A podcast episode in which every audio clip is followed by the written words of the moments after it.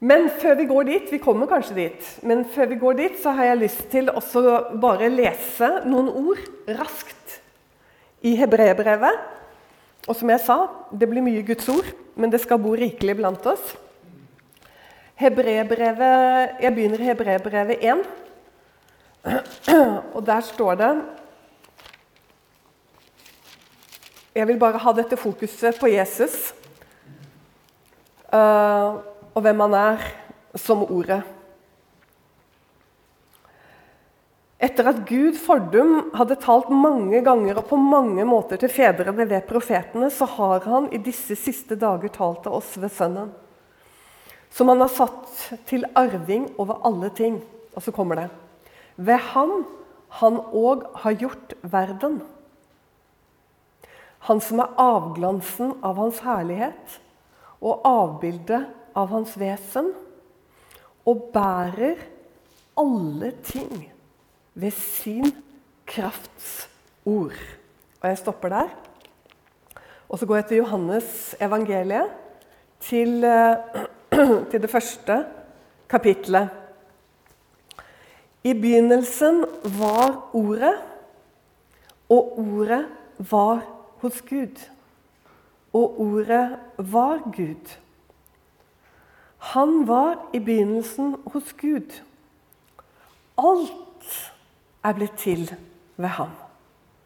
Og uten ham er ikke noe blitt til av alt som er blitt til. Amen. Når vi leser disse ordene, som mange av oss har gjort mange ganger, spesielt det i Johannes evangeliet i begynnelsen var Ordet, og Ordet var Gud. Og så leser vi videre. Og så kommer Johannes raskt sant, til det han vil, og presenterer Jesus Kristus som Ordet. Men hvis vi på en måte holder litt fast på ordet som sådan, nettopp for på en eller annen måte å virkelig forstå at han er det gjennom hele Bibelen. Er det han som er Ordet. Og det tror jeg vi glemmer litt. Troens ord. Han som er troens opphavsmann, som talte allerede i Bibelens begynnelse. Troens ord. Det er Kristus. Det er klippen. Han som fulgte israelfolket gjennom ørkenen det er Jesus Kristus. Og jeg sier det litt fordi det er mange, og alle vil eh, mene at det er Jesus. ikke sant? Vi både tilber og opphøyer, og vi vil være Jesus-fokuserte i menigheten. Men vi må aldri glemme at Jesus er Ordet. Han er Ordet. Husk at når han kommer tilbake på jorden, hvor det beskrives i Johannes' åpenbaring Hva er det Johannes ser i det 19. kapitlet? Ikke når han kommer på skyen for å hente sine. Nei, når han kommer tilbake, så ser Johannes Dette er 19. kapittel. Les det en eller annen gang i løpet av dagen. Så ser han han med et sverd som går ut av munnen hans. Og så står det at han har et navn skrevet på seg. Og det er Guds ord. Og Jesus sa jo også, Det kan du lese i Johannes evangeliet, i det tolvte kapitlet. Så minner Jesus dem når han sier at 'Jeg er ikke kommet for å dømme verden'. Han, er kommet, han kom for å frelse. Men han kommer igjen. vet du.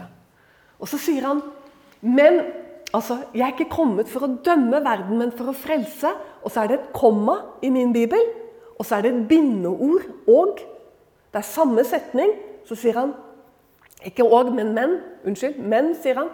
Men de ord jeg taler, vil dømme dere på den ytterste dag. Og det er dette, dere Jeg føler at noen ganger vi blir litt sånn Ja, liksom Jesus, og vi alle elsker Jesus. Og hvem elsker ikke Jesus? Til og med de som ikke er frelst, elsker Jesus. Sånn? Men vi glemmer at Jesus Det er jo ingen i Bibelen som er hør hva jeg sier, som er tøffere enn Jesus. Det er ingen som taler så tøft som Jesus gjør, både i konfrontasjon med mennesker men også de tingene som han bringer fram. Det er jo Jesus som gjør det. Du finner jo ikke noe av disse tingene engang i Det gamle testamentet. Så jeg, jeg har sånn ah, At den, den, Jesus som vi bekjenner og som vi tilber, at vi forstår hvem han er. Han er vår frelser. Han er vår beste venn. Han er vår sjels hyrde og tilsynsmann. Han er full av nåde og sannhet. Men han er Guds ord, og han kommer tilbake som det ord. Som hvis ikke vi har bøyd oss under hans ord her i verden, så kan de ord dømme oss på den ytterste dag. Det er realiteten. Og Derfor det å lese Johannes' åpenbaring kapittel 1 og lese Johannes' åpenbaring kapittel 19 for å på en måte våkne i forhold til vår frelser, det anbefales at vi gjør med jevne mellomrom. Og så dere, så vil jeg gå til dette med kampen.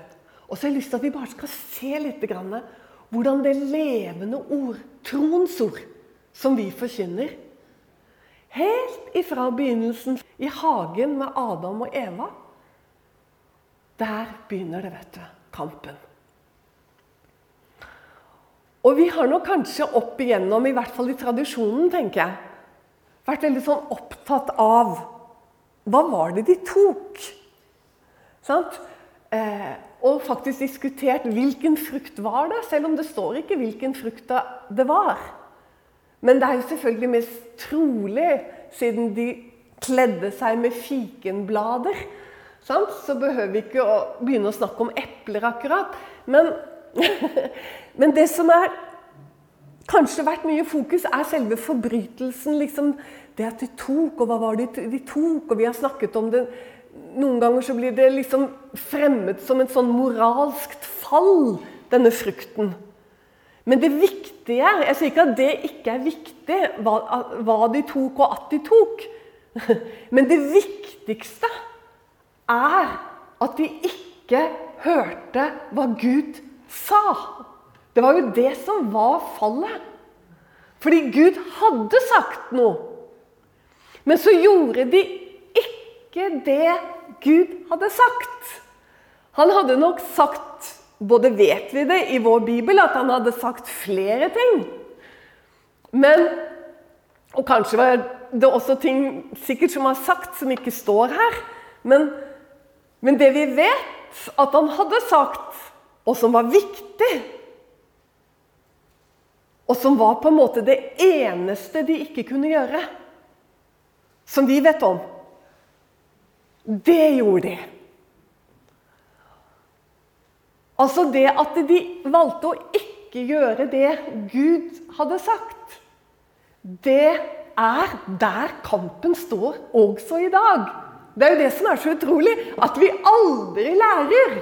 Sånt er noe med det som, som, på en måte ble så levende for meg igjen. At vi som mennesker aldri lærer, og til og med som kristne. Som vi som på en måte jeg tenkte faktisk at jeg hadde lyst til å si for første gang noen gang på 22 år når jeg taler, så hadde jeg lyst til å si til dere hellige og utvalgte. For det er jo det vi er. Tilsidesatt betyr det å være hellig. Til dere tilsidesatte. Fra hva da? Fra verden. På grunn av ordet. Så er vi tilsidesatte og bærere av ordet. Og allikevel så ser du i dag, i 2022, så sitter man og diskuterer. Har Gud Hva har han sagt? Ja, men Nei jeg, jeg tror man kan se dette Man kan se dette litt annerledes, egentlig. Spørs om ikke det betyr Jeg spørs om ikke det betyr noe annet. Altså Nei, for det kan ikke På tross av at dette har Kirken lært i 2000 år. Og så sitter vi nå med en rekke ting, og allerede har, vi, allerede har toget gått i flere ting. Men det er stadig nye ting. Og så er dette det Bibelen handler om. Altså Det er dette Bibelen dypest sett handler om, fordi Jesus er Ordet. Og Å tro på Han er å tro på Guds ord. Troens ord. Ikke bokstavens ord, troens ord. Å lyde Han. Og det kommer jo inn som en av de første profetiene i Bibelen. I, i Johannes eh, Nei, unnskyld, i første Mosebok, 49. kapittel, i det tiende verset, mener jeg, så står det at eh, en, en, en profeti om Messias, om kongen som kommer. Og, og, hvorfor kommer han? Jo, for å bringe alle folk til lydighet i ham. Liksom, allerede der presenteres liksom hele Guds plan. Og hva er det han vil? Jo, i ham, Messias, så skal han bringe alle folk til lydighet. Mot hva da? Mot ordet! Det, det, altså, det må være lov å rope litt. Fordi jeg bor i Norge, så føler jeg lov til å rope litt. liksom. Sånn? Fordi det er jo, vi lever jo i utrolig spesielle tider. Hvor, man, liksom, hvor vi egentlig sitter og piller i stykker Bibelen. da. For vi sitter og rører ved det som er selve grunnvollen av det vi holder på med. La oss nå gå derfra, og så la oss gå til Babel. Fordi i Babel så kommer det på en måte enda mer eh, fram på scenen. Bibelen er jo mester i å iscenesette. Jeg tenker at vi burde jo mye mer brukt drama i ordet. Fordi det, det, er nesten sånn som om Gud på en måte oppfordrer til det. For han iscenesetter ordet. Og, og, det er så billedlig. og du, hvor mange ganger jeg, jeg liksom, Når jeg bare snakker om Babel, så ser jeg det hele for meg. Gjør ikke du òg? Altså, du, du ser hele dette her prosjektet som menneskene har satt i gang med. Og nå har de blitt enige. Og de snakker samme språk. Og det er jo helt fantastisk. Fordi at det å få en stor mengde mennesker til å bli enige, det er jo det er helt utrolig. Det er jo et under. Altså, Bare det å få tre personer til å bli enige er jo utrolig vanskelig. Du som er mamma eller pappa eller har familie eller, eller søsken. Bare det å få de til å bli enige, det, helt, det kan jo ødelegge en hel dag. liksom. Når du trodde de liksom var med, så er det en ny en som slår seg vrang. Men her har de fått en hel folk til å bli enige! Virker det sånn, da? I hvert fall flertallet. Jeg får litt sånn følelse at det er sånn der eh, flertallets tyranni, egentlig Babel. Det er noe skummelt med det, liksom. Det er Nimrod som er hersker der, og det er liksom 'Kom og la oss!' liksom, sant? Det er noe sånn. Og nåde den som ikke er enig. Men, men, men ok, de er enige, og det er jo fantastisk. Og så plutselig så er det sånn at det er så fryktelig. Og så begynner de å bygge dette tårnet, for de er enige om det. da, bygge tårn, Og så er de enige om å bygge denne byen. Og det er så fryktelig at Gud, den treenige Gud, må stige ned. Og det er ikke så mange ganger han gjør det. Han gjør det også i Sodoma. Sånn? Og da er det noe som er, er så forskrekkelig at Gud må stige ned. Og så er det sånn Men Gud, hva er det som er så fryktelig om at de er enige, da? Det, det, du har jo en glimrende anledning her. Sant? De holder på å bygge på noe. og det, De har samla seg. og Religiøse er de òg, for de skal bygge tårn som skal nå like opp i himmelen. Ja ja, sier du som sitter her, men det var vel ikke helt sånn, da. For det var jo ikke akkurat Guds navn de skulle opphøye, var det det? Det var jo, det var jo liksom Kom og la oss gjøre oss et navn. Og da kan vi slappe litt av, for da ligner det jo ikke sånn på oss. For vi driver jo Sant? Vi holder jo på med Jesus. Men du skjønner det som er problemet her, og det som er så illustrerende med Babel her, det er at hvis vi bygger i vårt eget navn, så holder vi på med det samme. Ser du det? At hvis vi forandrer denne Jesus, også hvis vi, altså hvis vi endrer på ordet altså, vi, altså Hvis vi sier ja, men det der, ble så vanskelig For du skjønner, det som er innmari vanskelig, det er å få mennesker til å bli enige om Guds ord. Det er ikke så vanskelig å få dem til å bli enige. Det er vanskelig, det òg. Men det er lettere hvis du ordner det litt. Skjønner du? Hvis du gjør det litt mer sånn behagelig for vår menneskelige natur. Da er det mye lettere å få de store skarene til å komme sammen og være enige. For nå priser vi alle Jesus. Sant? Men vi bare tar ikke med alt det der, vet du. Om å døde kjødets gjerninger og ta opp sitt kors og gå. Og, og alt dette her som står på annenhver side gjennom hele Det nye testamentet. Altså, Det nye testamentet er jo mye råere enn Det gamle testamentet. Men det er bare det at vi driver og velger litt sånn annethvert blad i Det nye testamentet. Vi stopper gjerne når de litt uh, salte, vanskelige passasjene kommer. Og så tror jeg jeg kanskje har fått litt sånn derre til tider den litt tunge oppgaven å ta og plukke opp alle de der vanskelige passasjene. Skjønner du? Og dele de ut. Uh, men, men, kanskje litt fordi at jeg har fått så mye hjelp selv av de vanskelige passasjene. da. Og så ser jeg at da henger jo Bibelen så vidunderlig sammen. Sant? Men altså tilbake til Babel. For det går an, skjønner du. Og jeg tror nok dessverre at det kommer mer og mer av dette her. Og det er derfor kampen for Guds ord er så viktig. Fordi det kommer mer og mer av en bred vei. Og jeg kaller den egentlig for Babelveien, eller Babelmenighetene. Og der har man endret ordet. Og når du endrer ordet, så endrer du Jesus, og da endrer du også ånden. Hør hva jeg sier. Du Endrer du ordet, så endrer du Jesus, og du endrer på den ånd som er iblant oss. For Den hellige ånd han kan bare peke på Jesus, Guds ord. Og han vil ikke trives et sted hvor man har utvannet og latt ordet forvitre. Man sier det jo ikke, selvfølgelig, men man bare Skjønner du? Og så har det blitt mer plass til meg.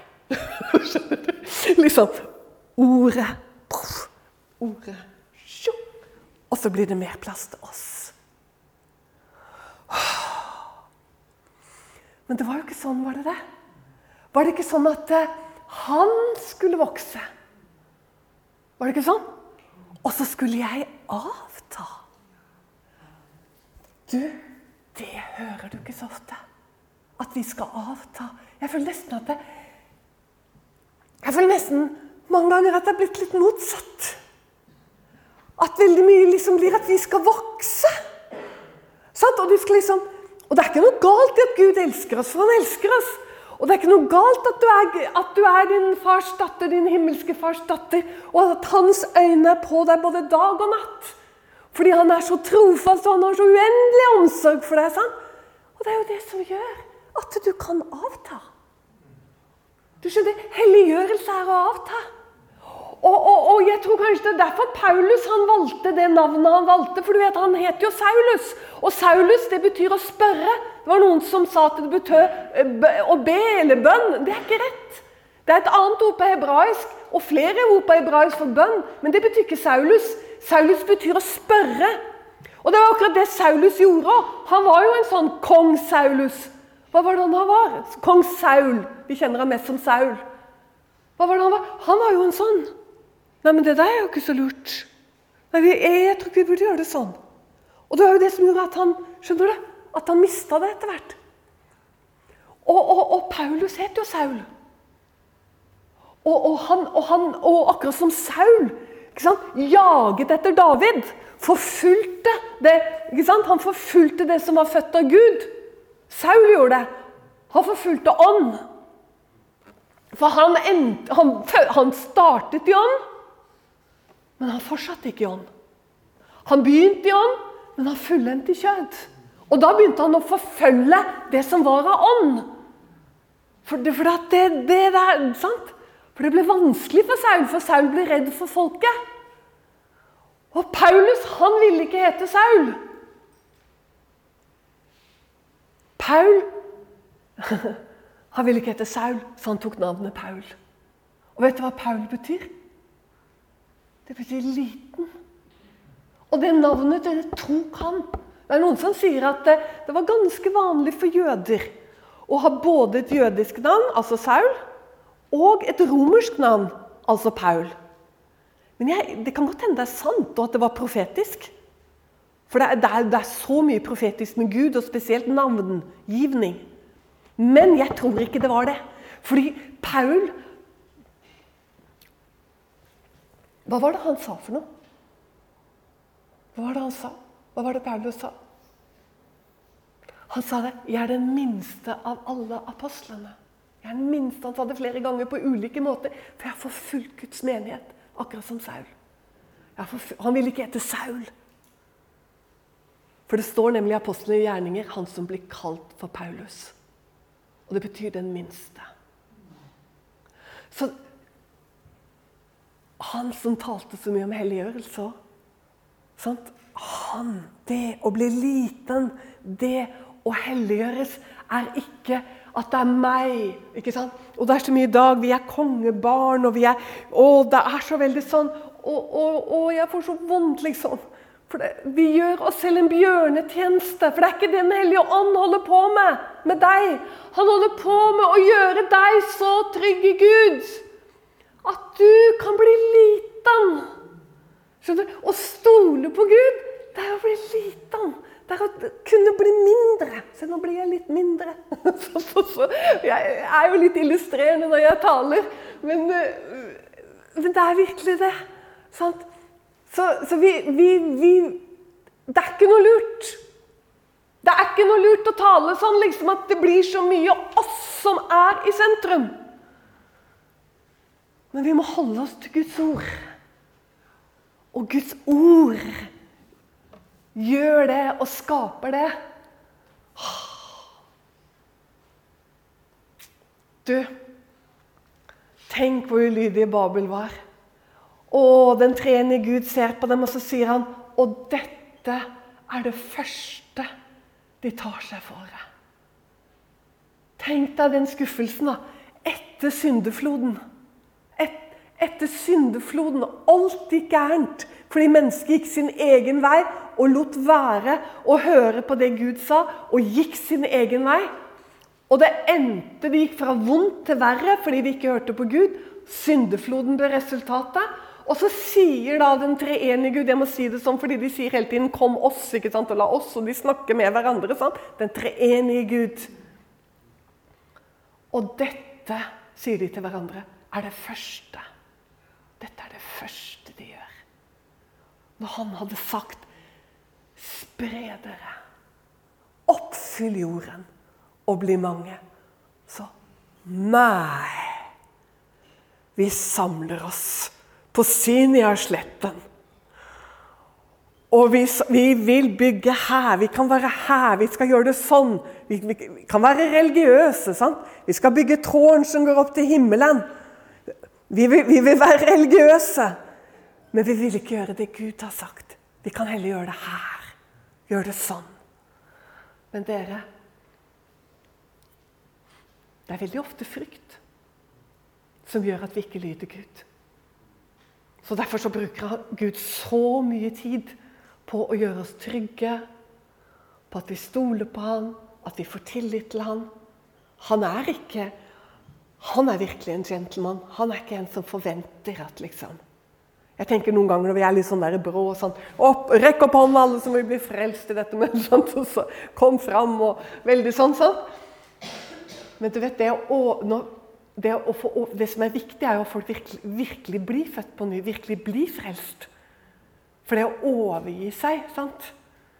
Han forventer ikke han, han, vil at vi skal stole på han. På hebraisk så er ordet for å tro det er å stole på. Så når en israelitt sier at han tror på Gud, så sier han at han stoler på Gud. Jeg stoler på Gud. Men når vi sier at vi tror på Gud, så har vi et veldig rart ord. Sant? For vi bruker det samme ordet for noe som vi ikke vet. Noe som vi, vi bruker når vi ikke er sikre på noe. Så sier vi at ja Jo da, jeg tror det. Jeg tror jeg kommer. Vi bruker samme ordet for å tro på Gud. Det er jo litt bedre på engelsk, for der sier de at 'I believe in'. Eller de sier 'I have faith in God'. Eller 'I believe in God'. Mens, mens vi har dette litt fattige ordet. da. Men så da Israelerne, når de skal si de tror på Gud 'Jeg stoler på Gud'. Og det er jo litt mer sånn, for det kan jo nesten synes. Sånn, en ting er at du tror på Gud, det kan du liksom gjemme inn i hodet ditt. Det er noe som foregår inni her. Men når du sier at du stoler på Gud, Gjør du det? ja. Så men, men, dere, la oss, la oss, nå, gå, la oss nå gå til uh, La oss gå tilbake til essensen her, fra Babel. Fra Babel. Og så la oss gå til 1. Samuels bok 15. Og virkelig se på han herre Saul. For det som er interessant med han, var at han, han var valgt av Samuel. Fordi Gud hadde sagt til Samuel hvem han skulle ta ut som konge av folket. Og det står at, Sa, uh, det står at Saul Så her var det et lite varsel. da. Han var ett hode høyere. Sånn. Han var veldig flott å se til. Han så ut som en konge. vet du. Og han var et hode, står det. Høyere enn liksom, jeg eh, håper å si hele Israel. Altså, Altså, jeg ikke lage noe vesen av det, men jeg vet ikke om du har tenkt over det? Du vet at Det står i, i 5. Mosebok, i det syvende kapitlet, jeg mener det er i det syvende verset, så står det hvorfor Gud valgte ut Israel. Hvorfor han valgte dem. Og så sier han ikke fordi, det er, ikke fordi dere er større enn andre folk. Altså det, og I det større der så ligger jo hele betydningen av å være bedre enn andre folk, flinkere enn andre folk. Men jeg tror faktisk også at Gud, som har humor Han har jo åpenbart humor når du virkelig lærer å kjenne Guds ord. Så ser du at Gud har virkelig humor, selvfølgelig. Det er jo han som har skapt humoren. Fordi at, Legg merke til jøder. De er veldig ofte veldig små. Lave av vekst. Lave av vekst. Så, så, så, Jeg er sikker på at Gud også spiller på det. Ikke fordi dere er noe større enn andre folk, men fordi dere er de minste av alle folk. Her ser du det små igjen. Sånn? Når Gud helliggjør og utvelger og tilsidesetter, så er det ikke noe, det er ikke noe som er stort. Skjønner du? Åh, vi mennesker er sånn. Når vi skal gjøre noe, liksom Åh, jeg, jeg, jeg tror vi må ha Telenor Arena liksom, for å få det stort nok! ikke sant? Men Gud, han liksom er det minste. Han, er ute han er jo helt nidkjær. Han holder jo på sånn hele tiden. Altså, det er jo liksom Se Bibelen, da. Det er liksom, det du minst regner med, det Gud. Liksom Abraham han kom ut av Babel. Han gjorde jo det. Ja, Men Eva han levde vel ikke under Babel? Jo, jeg tror han gjorde det. Vet du hvordan du kan vite det? For det står at Peleg, som var en av stamfedrene til Abraham Følg med nå. Dette er en parentes for dere som virkelig er på seminar. ikke sant? Så ikke, ikke mist tråden nå. Peleg er en av stamfedrene til Abraham, du som elsker å sitte og granske ting. Dette er spennende. Det står at det var i hans dager at Babel at de ble spredd. Det var i hans dager at Babel ble knust. Og Hvis du regner fra Peleg til Abraham, så ser du at Peleg var 160 år, eller 166 år når Abraham ble født. Og Peleg levde tror jeg, til han var 210 eller 220 eller 206. eller et eller annet sånt. Forstår du? Sånn at det kan veldig trolig være, og om det ikke var sånn, så kom han i hvert fall ut av ruinene. Altså Om ikke Abraham så at Babel gikk i knus, så kom han ut av ruinene av Babel. Og gjør akkurat det Babelfolket ikke gjorde. For hva var det de ikke gjorde? De spredte seg ikke. Og det var det Gud ville. Han ville ha de ut. Sant? Han, og så velger han ut. Det var derfor jeg kom dit. Det svake, det minste, det lille. Abraham og Sara, ufruktbare, gamle, inntørket morsliv. Sant? Hvorfor tar du ikke en av ungdommene? da? Hvorfor tar, tok du ikke Lot? Jeg skjønner jo alle hvorfor han ikke tok Lot. Nei, nei, unnskyld. Så det bør ikke være fordi du er ung at det er viktig. hva? Men Abraham trodde Gud. Han gikk. Han, han, gjorde det. Han gjorde det faren hans prøvde på. Sant? Han kom et lite stykke på vei, og så, greide, og så endte han i Karan, og så slo han seg til der. Og klarte ikke å fortsette å gå i tro. På en eller annen måte så stoppet trosvandringen for Tara. Men så kommer Abraham, og Abraham, han eh, Lille Abraham, han tror Gud. Og han går. Han gjør det motsatte, ser du, av hva Babel gjorde. Han faktisk går uten å vite hvor han skal. Og det var akkurat dette Gud ville. Helt ifra begynnelsen så var det dette han sa. Gå ut! Dra bort! For våre menneskelige forstand Nei! Det er ikke noe lurt. Da blir vi svake. For vi tenker motsatt. Slå sammen. Svære sammenhenger. Dette er menneskelig. Stort. Byer. Skjønner du? Stort. Sammen. EU. Nato. Sånn. Sverige og Finland Jeg er ikke så sikker på at det er så lurt, ja, men vi, vi, vi, skal ikke begynne å krangle om det. Altså. Men altså, vi, vi, vil bli svære, for da er vi sterke. Men du vet, hvis ikke Herren bygger huset, så bygger bygningsmennene forgjeves. Og du så jo Babel. Det er jo der liksom Fedrelandssalmen er jo født ut av Babel, den nå. Du ser åssen det går. Nei, gjør som Abraham! Gå uten å ane hvor du skal! Og sånn som pinsemisjonærene rundt 1910 og 1920 og sånn, de gjorde det akkurat sånn som Abraham. De satt på, Det var en som satt på et bønnemøte, og, så, og ånden var så sterk. vet du. Det var sånn vekkelse rundt denne tiden her, 1910-1915 i, i, i store deler av Norge og i Oslo. Og dette skjedde i Oslo sitter på et bønnemøte, noen søstre der, og så hører hun 'Jeg sender deg', så kommer det tydning. 'Jeg sender deg til det mørke stedet Banda'. Banda. Tenk, det kom som en tydning. Og så Disse søstrene de visste at det var tale til dem, og de gikk og så i Atlas de hvor Banda var. Og Så dro de på bibelskole i London, og så reiste de til Banda. Og du skal bare vite det arbeidet som er etter de to søstrene som dro til Banda. Helt utrolig! hva som har vokst opp i fotsporene til disse. Dette er, dette er det samme. Dette er akkurat det samme, alt sammen. Abraham, David, Moses. Det er troens vei, og du må bli i den. Alle må vi være i den troens ord. I denne floden av tro, av ordet. Gud taler, og vi tror. Gud taler, og vi tror. Gud taler, og vi tror og går. En gang til. Gud taler, vi tror og går. Dette er å være i denne livsstrømmen som har strømt ifra troens opphavsmann og like til denne dag. De små. De små som ikke satser på de store, på de sterke, på det som ser så mektig ut i verdens øyne. Vet du hva? Jeg tror bare at jeg står her og advarer nå. Jeg hadde ikke flere ting jeg hadde tenkt å si. Men dette er, dette er viktige ting. altså. For det er noe som kommer nå. Jesus sa å, han advarte oss i forhold til dette. I forhold til falske profeter han advarte. I forhold til den brede veien han advarte. Han sier at veien er bred, ikke sant? Og mange, sier han. Hæ? Leser vi det? Mange er de som går der. Hvilk, hvilk, hvorfor er veien bred? Hvilken vei er det som er bred? Hva er det som gjør den bred? Jo, det er den veien hvor ordet er Skjønner du? Det er oss. Altså, ordet må bøye seg for vår menneskelige natur. Det er ordnet til. Det er laget til. Det er den brede veien. Simpelthen det er babelkristendom, eller den brede vei. Det er det der.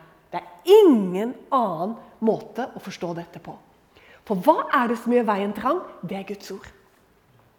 Guds ord har trange kår i verden. Og Han sier at veien er smal, og han sier at porten er trang. Og så sier han, og det tror jeg ikke vi har hørt Få er de som finner det. Er de som kommer inn gjennom den porten. Gud, hør menighet. Ta Guds ord alvorlig. Hvordan er det Matteus 7 slutter? Jesus sa Han forteller en lignelse på slutten av bergprekenen. På slutten av bergpreken, husker du hva det er han sier? Så forteller han om de som bygget på stein, og de som bygget på sand. Hvem var det som bygget på sand? Det var de som ikke hørte ordet og gjorde etter det. Men de som bygget på klippen, det var de som hørte ordet. Ikke bare hørte det, men gjorde etter det. Det var forskjellen. De som hadde hørt ordet, men valgte å ordne det annerledes. Hør du? Du vet hva ordet sier, men du velger å ordne det annerledes. Men de som bygger på klippen, det er de som hører ordet og gjør og bygger som menighet, som enkeltpersoner, som kirkesamfunn. Som velger å bygge på ordet. Ja, Men Eva, det var jo en lignelse. Men vet du hva? Det fantastiske er at Jesus sier det ikke bare i lignelse, han sier det også ordrett før. For han sier til noen som sier 'Ja, men Herre' De sier 'Herre, Herre' til og med. Du må lese Matteus 7 før du legger deg i kveld. For det er en av de der tranpassasjene. Altså en av de der litt vanskelige passasjene i Guds ord som, vi, som er litt vanskelig å lese. Men les det igjen. Matteus 7. Det er slutten på bergprekenen. Les egentlig hele bergprekenen. Den er fantastisk. Det er Jesu lære. Bergprekenen er Jesu lære. Slik står det ordrett i Bibelen. Det er hans lære. Ok? Så slutter bergprekenen med at de sier Ja, men Herre, vi har gjort store ting. Vi har talt profetisk i ditt navn. Og vi har gjort store undre, mektige gjerninger i ditt navn. Sånn? I ditt navn, Jesus. Så sier han, 'Bort fra meg. Jeg kjenner dere ikke', sier han. Og hva er det han sier så? Dere som praktiserer Nå sier jeg det ordrett fra gresk, sånn som det står på gresk. Dere som praktiserer lovløshet. Du skjønner, I noen bibler så står det 'dere som har gjort urett'. Det står ikke det på gresk. Mange bibeloversettelser nå har rettet opp. Bl.a. 2011, og jeg vet også eh, King James og flere har rettet opp. Så det står ikke urett lenger. Det er helt feil. Det står 'dere som gjorde lovløshet'. Og hva er det for noe? Ja, Det sier seg jo selv. Det er Guds ord. Så dette Å, Gud! Hjelp oss som mennesker, som menighet. Vi vil sky Babel. Vi vil være slike som er små, slike Pauluser, som betyr liten, og som vil la ordet sant? Ordet skal forme meg. Å, så fantastisk. For det er det han vil, dere. Og det er det han jobber med oss for å få lov til å forme og danne oss. Helliggjørelse betyr å bli satt til side. Tenk, er så fint. Altså, Når du er satt til side, så ligner du jo ikke på verden. Og det gjør vi jo ikke når vi holder fast på ordet. Men når vi slutter å holde fast på ordet, så ligner vi jo bare mer og mer på verden. Det er jo det. Men hva er det som får oss til å gjøre det? Tilbake til Saul. Hvorfor gjør vi det? Pga. frykt, stort sett. Fordi man begynner å tenke at eh, Nei, du Jeg tror det Altså, nå må vi begynne å tenke litt her. Sant? Jeg tror ikke det er så veldig lurt av oss.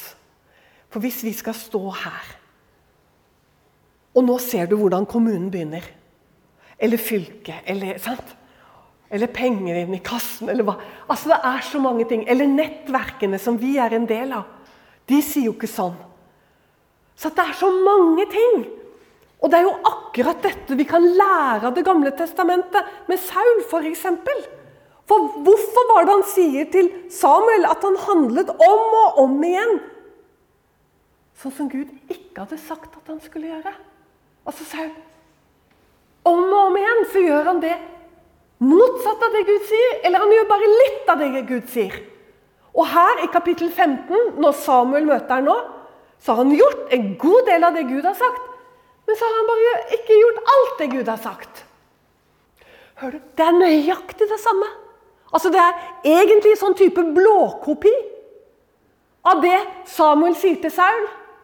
Offer og gave, Saul, har aldri noen gang vært viktigere enn lydighet mot Gud.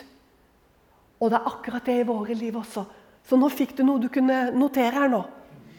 Noter i vei, du som kanskje kjente deg litt truffet der. Jeg lever litt i synd med den greia der. Men, eh, men, eh, men jeg støvsuger gjerne. Jeg vasker toaletter òg, ja. Så hvis det skal være og, og kaker stiller jeg med på hver, hver søndag. Altså det, det, det, er ikke noe problem for meg, for jeg er så snill. Du skjønner det? Nei da, nå er jeg fryktelig slem. Jeg må ikke bli sinna, da. Men altså, sånn, du skjønner, kristendom handler jo ikke om å gå rundt og være snill, og, og godhetsuker er veldig bra, det. Men hvis vi tror at kristendom er bare blitt å fly til naboen og vaske bilen og holde på med sånne ting, så tar vi helt feil. Fordi at det å være en kristen er å være salvet. Og det å være en kristen det er å være bærer av Guds ord. Og fordi du er bærer av Guds ord, så går du på en veldig smal vei. Og den porten er trang der i enden også. Men halleluja, det er nåde hele veien, vet du. Fordi at det, det er jo ikke sånn at det er bokstavens vesen vi holder på med. Og, og liksom lovens ord vi holder på med. Nei, vi har fått Den hellige ånd. Så det er livets ånds lov som jobber inni oss. Så det å være lydig mot Gud, det gjør oss utrolig glad. Skjønner du? Det gjør deg mye gladere enn å holde på og pese rundt med kaker og alt mulig, og så setter du deg og griner om kvelden for du er så sliten, liksom. Skjønner du? Ja, men Eva, har du Guds ord på dette? Ja, jeg har det. Salme 127. For der står det. Der står det. Altså, det, det, nytter ikke at du står opp tidlig. Sånn står det. Nå, nå må du lese. Noter det. Salme 127. Det nytter ikke det at du står opp tidlig, vet du. Og så løper du hele dagen og tjener i menigheten og, og legger deg sent, står det også i Salme 127. Det gjør du også. Vet du hva Gud sier? Det samme gir han sin venn i søvne. Alt det du strevde etter. Skjønner du? Glede og lykke og, og overskudd og, og, forventning og alt dette her som du egentlig vil ha. da. Det gir han sin venn i søvne. For det kommer gjennom lydighet. Du skjønner, I Bibelen så har ordet lydighet gått fra å være et sånt ubehagelig ord I verden så er det jo veldig ubehagelig, det ordet lydighet. Vi liker det ikke. Fra vi er bitte små. Helt fra du er tre år, så lærte du at lydighet det var et forferdelig ord som moren og faren din var veldig glad i. Men du likte det ikke.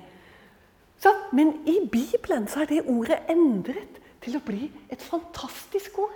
Jeg tuller ikke. Prøv det. Jeg snakket, jeg snakket med, en, eh, med, en, dame her i fjor sommer. Du, jeg må bare si det. Vet du hva Hun sa nå skal jeg fortelle deg og mannen, mannen din noe som jeg Jeg tør ikke å si det lenger. sa hun. For at jeg har fortalt det noen steder, og så blir de sinna på meg.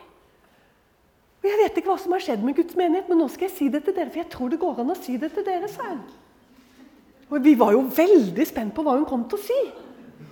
Sånn, det eldre damen som sier du skjønner, jeg opplevde noe. For du, du, forstår at når jeg var ung og giftet meg, så gikk det ikke lang tid før mannen min begynte å først mishandle meg. Og så begynte han å mishandle barna også ettersom de ble født. Og til slutt så var det så ille, sa hun, og jeg var så redd han, at eh, jeg eh, skilte meg fra han, sa hun. Ja, sa jeg, ja, det kan jeg godt skjønne at du gjorde, sa jeg. Og så sa hun, men det er noe mer til historien, sa han, og som virkelig er historien. Og det at etter en tid så traff jeg en mann i menigheten og han var så fin, sa hun. Og han var så god. Og jeg tenkte at dette her måtte jo være rett, for du skjønner, han fridde til meg. Så jeg tenkte at dette må jo være rett, at jeg gifter meg med han. Men så sa hun, så hadde vi bare vært gift noen uker. sa hun. Så kommer han Svartdal. Dere vet hvem han Svartdal er? Den gamle pinsehøvdingen. Så kommer han på døren sammen med en annen jeg ikke husker navnet på. Og de fortalte at de hadde fastet og bedt for henne i tre døgn. Så sa, og så sa de 'Det du har gjort, det er ikke rett, søster', sa de. Men du skjønner, nå har vi, nå har vi vært i inderlig bønn til Gud for deg. Og vet du, Jeg tenkte at dette var veldig voldsomt at de gjorde det. Og jeg tenkte at dette kunne jeg ikke ta sånn uten videre. Ja, Så jeg ba til Gud sa han, etter at de hadde forlatt meg. Og sånn, og jeg så jo at disse brødrene de var jo så ydmyke og skjønne. Så jeg ba til Gud. Og så sa jeg, 'Gud, hvordan skal jeg forstå dette? Skal jeg skille meg fra han, Gud? Er det det du vil?' Og vet du, jeg fikk så fred for det, sa hun, at jeg skulle gjøre det. Og, jeg, og så gikk jeg til Gud igjen, sa hun. Og så, så, så, sa jeg, 'Gud, hvis det er det du vil, så gjør jeg det.' Og i det jeg sa det, sa hun, så kom det en glede. Og det er dette som gjør folk rasende, sa hun.